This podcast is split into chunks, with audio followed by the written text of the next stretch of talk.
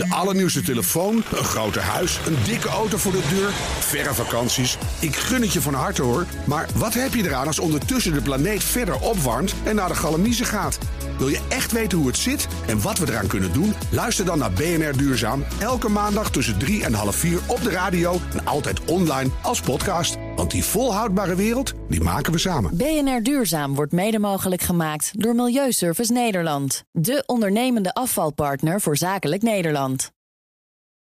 Postma in Amerika. Tijd voor het Amerikaanse nieuws door de ogen van onze correspondent in Washington, Jan Postma. Jan, de Republikeinen zijn verdeeld over de steun aan Oekraïne. Biden wilde deze week natuurlijk het draagvlak voor die steun vergroten. Hoe reageerden de Republikeinen?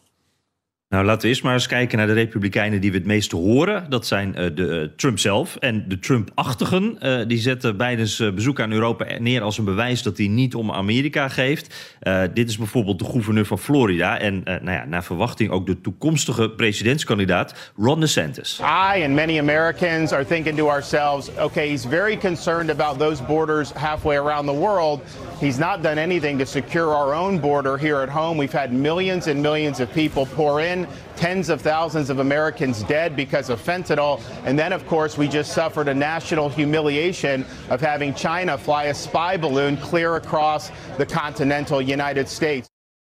Ja, dan komt die Chinese uh, spionageballon ook nog even voorbij. Dit is America First natuurlijk. Hè. Los eerst de problemen hierop voordat we naar het buitenland kijken. En Trump zelf doet er ook alles aan om dat beeld te versterken deze week... Uh, door, door, door op uh, bezoek te gaan in East Palestine in Ohio... waar die chemische treinramp was hè, en waar mensen heel kritisch zijn op de gevol of, ja, volgens hen late en ook minimale reactie vanuit de Biden-regering. En dat is dan op Fox News het grote verhaal. Terwijl Biden ons een oorlog inrommelt en, en niet om ons Amerikanen geeft, is Trump er wel voor diezelfde Amerikanen. Dat is het contrast wat wordt Maar gezet. het grootste deel van de Republikeinse congresleden staat op dit moment toch nog achter de steun aan Oekraïne.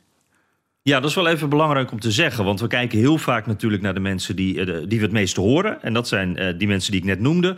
Maar als je verder kijkt, ja, lijkt de steun inderdaad er nog gewoon wel steeds te zijn. Um, het, het, uh, het, het, zijn een hoop republikeinen zijn ook niet heel uitgesproken erover. Die, die, die zeggen er niet zoveel over. En die gaan een beetje mee met bijvoorbeeld wat Mitch McConnell zegt. De senaatsleider van de republikeinen, invloedrijke man. Die zegt, kijk niet naar Twitter, wat daar allemaal wordt geroepen. Dat geloof ik allemaal wel. Kijk naar de mensen die de leiding hebben. En dan bedoelt hij natuurlijk zichzelf. McConnell zegt, die Russische invasie van Oekraïne... is op dit moment gewoon echt het belangrijkste internationale onderwerp... wat er is op dit moment. Die steun aan die Oekraïners is heel belangrijk. En zijn enige kritiek eigenlijk is dat Biden sneller hulp had moeten sturen. My biggest criticism of the president is he seems not to have done enough soon enough.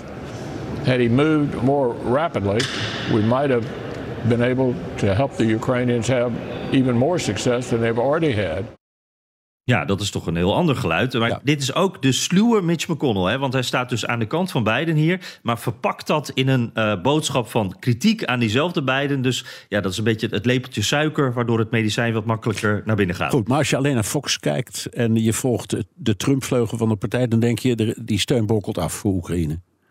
Ja, zeker. Want nou, we hebben het er vaak over. Hè, dat, dat Fox News, daar kijken natuurlijk gewoon een heleboel mensen aan. Dat is echt invloedrijk. Uh, dus dat is belangrijk. En de invloed van die Trump-vleugel waar we mee begonnen... die zie je al bij bijvoorbeeld Kevin McCarthy... die andere leider in het Huis van Afgevaardigden bij de Republikeinen. Ja, die heeft al gezegd, hè, dat smijten met miljarden, dat is straks over. En dat is ook onder druk van die Trump-vleugel. Dus die twee dingen bij elkaar, uh, dat, is wel, dat kan zijn hele eigen dynamiek brengen. En uh, nou, jij refereert er ook regelmatig aan. Als je nu naar kijkt, dan neemt die steun voor, uh, uh, voor, voor, voor meer. Ja, de steun voor steun aan Oekraïne, zeg maar. Die neemt wel al af. Uh, dat was drie maanden geleden nog 60 procent. Nu zitten we net iets onder de 50 procent bij de Amerikaanse bevolking. En ja, hoe langer dit duurt, hoe lastiger het ook zal worden om Amerikanen erbij te houden. Dank Jan Postma, correspondent in Washington.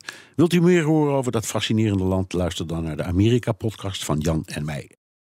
De allernieuwste telefoon, een groter huis, een dikke auto voor de deur, verre vakanties. Ik gun het je van harte hoor. Maar wat heb je eraan als ondertussen de planeet verder opwarmt en naar de galamiezen gaat?